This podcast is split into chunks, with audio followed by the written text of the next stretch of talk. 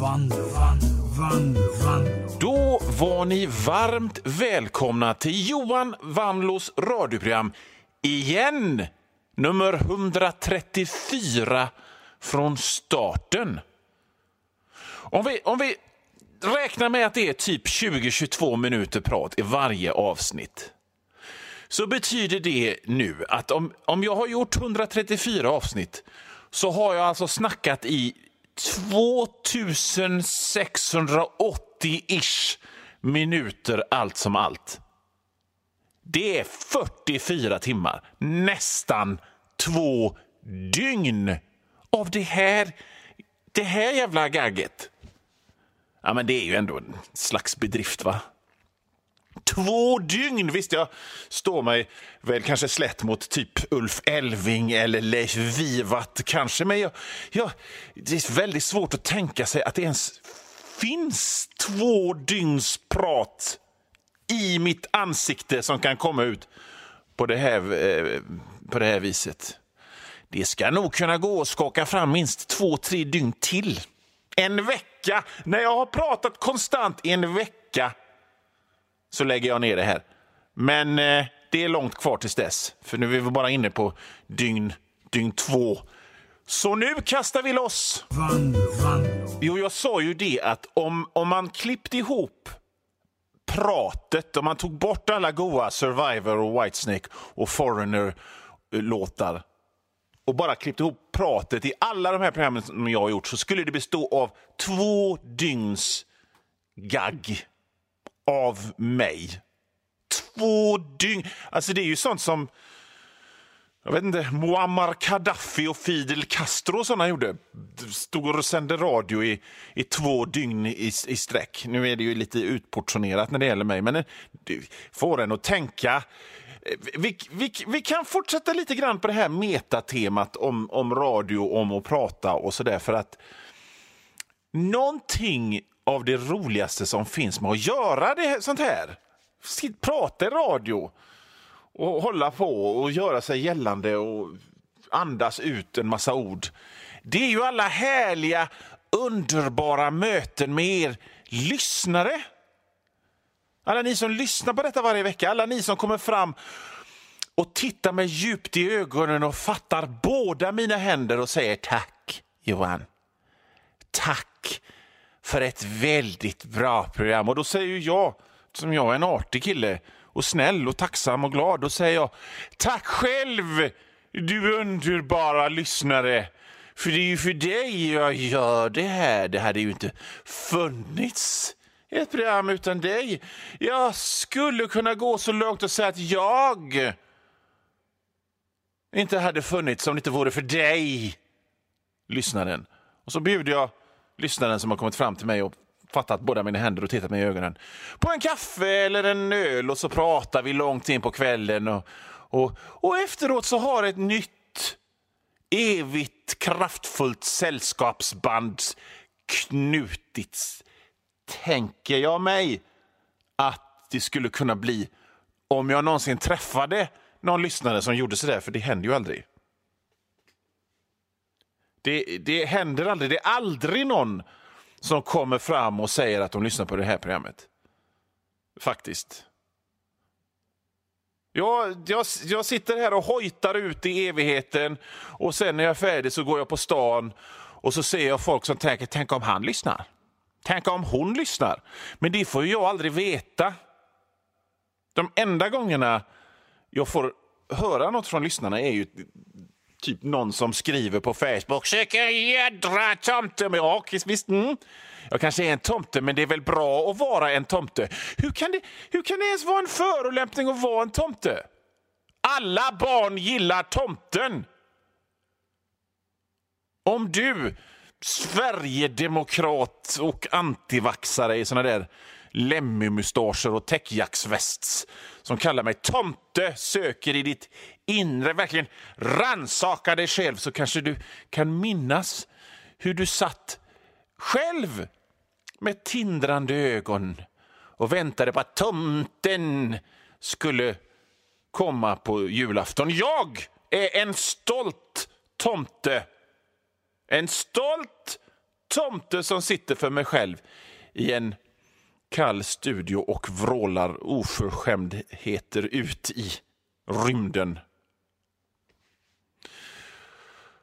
Och när jag känner mig som mest ensam och ynklig och skrumpsen så tänker jag att någon har ställt radion framför en dammig pelargonia och så går de någon annanstans och gör något annat viktigare. Och så får den där dammiga pelargonian stå där och höra mig vända ut, ut och in på själen. Så är det när jag är som mest enkel skrumslen. Men det är jag inte nu, för att, för att jag kom på en grej. Jag, jag ljög lite grann när jag säger att ingen har kommit fram och säger att de hör programmet, för jag har ju faktiskt faktiskt, kom jag på nu, träffat tre, fyra, fem lyssnare under förra året. Och det roliga med det, det var att alla var öbor från öarna i Göteborgs skärgård som jag kommer ifrån. Det är väldigt roligt. Man kan aldrig bli profet i sin egen hemstad, säger folk. Men lite grann har jag blivit det hos de tre, fyra, fem öbor som jag har träffat i alla fall. Och de tre, fyra, fem öbor som lyssnar på detta nu, häng kvar! För jag ska prata om er sen. Mm, okej? Okay? Jo, jag sa att jag har träffat eh, massa öbor från de öarna i Göteborgs norra skärgård som jag kommer ifrån. Som har sagt att de lyssnar på det här programmet. Och, och då kan man ju liksom inte låta bli att tänka på sin uppväxt just på de där öarna. Hönö, Öckerö, Fotö, Kalvsund, Björke. Och vilka jävla legender man som öbo har i sitt bagage. Alltså när jag bodde på de där öarna så ville jag alltid därifrån. Och vi, och så, så, så, länge jag kan minnas så vill jag flytta därifrån. När jag har vuxit ifrån det här med att det var sköj och bada och hålla på så där så vill jag därifrån. Mamma, kan vi inte flytta till Axel Dahlströms torg? Sa jag. Men vi bor ju i paradiset, sa mamma då. Nej, jag vill bo på Axel Dahlströms torg! Det är paradiset. Jag vill höra spårvagnsrasslet i natten. Det är min själs melodi, sa jag till mamma. Men vi flyttade aldrig till Axel Dahlströms torg.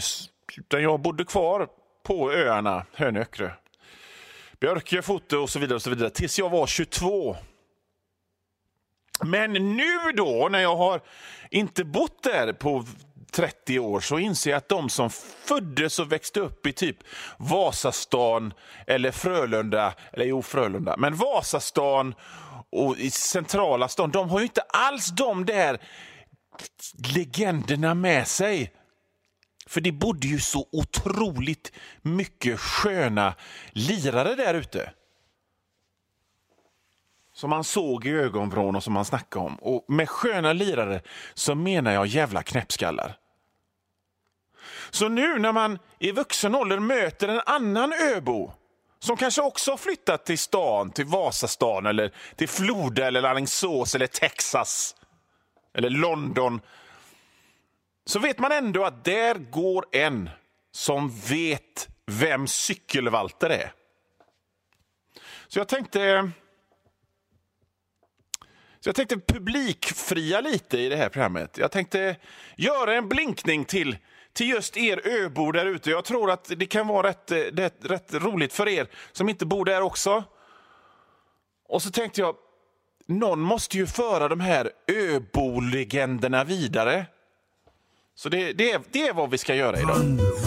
Jo, jag tänkte berätta lite om de här öbolegenderna som vi öbor med brasklappen i en viss ålder. För jag känner ju inte till någonting om öbolegenderna som finns där nu. Men de som fanns när jag var ung, de har vi med oss i vår färd genom livet.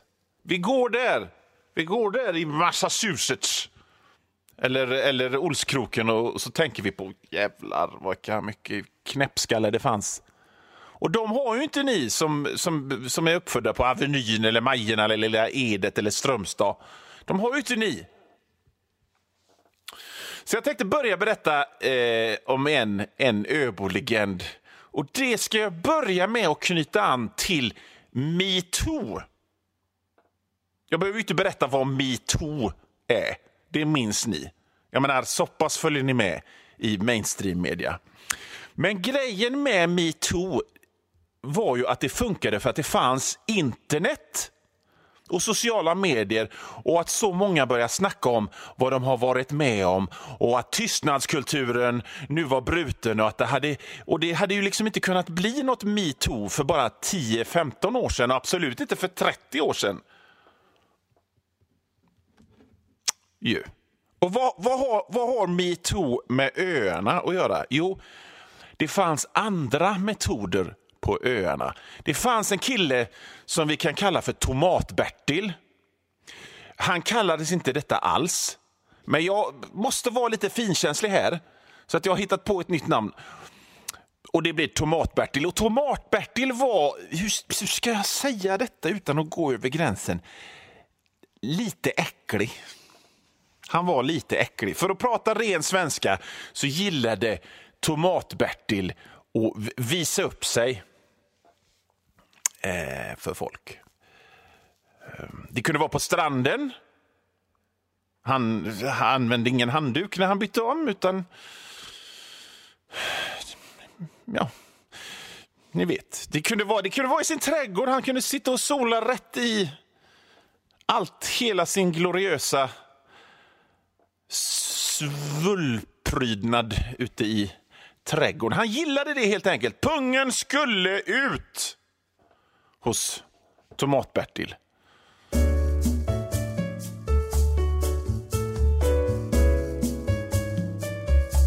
Och nu Vanlo, Vanlo, Vanlo, Vanlo.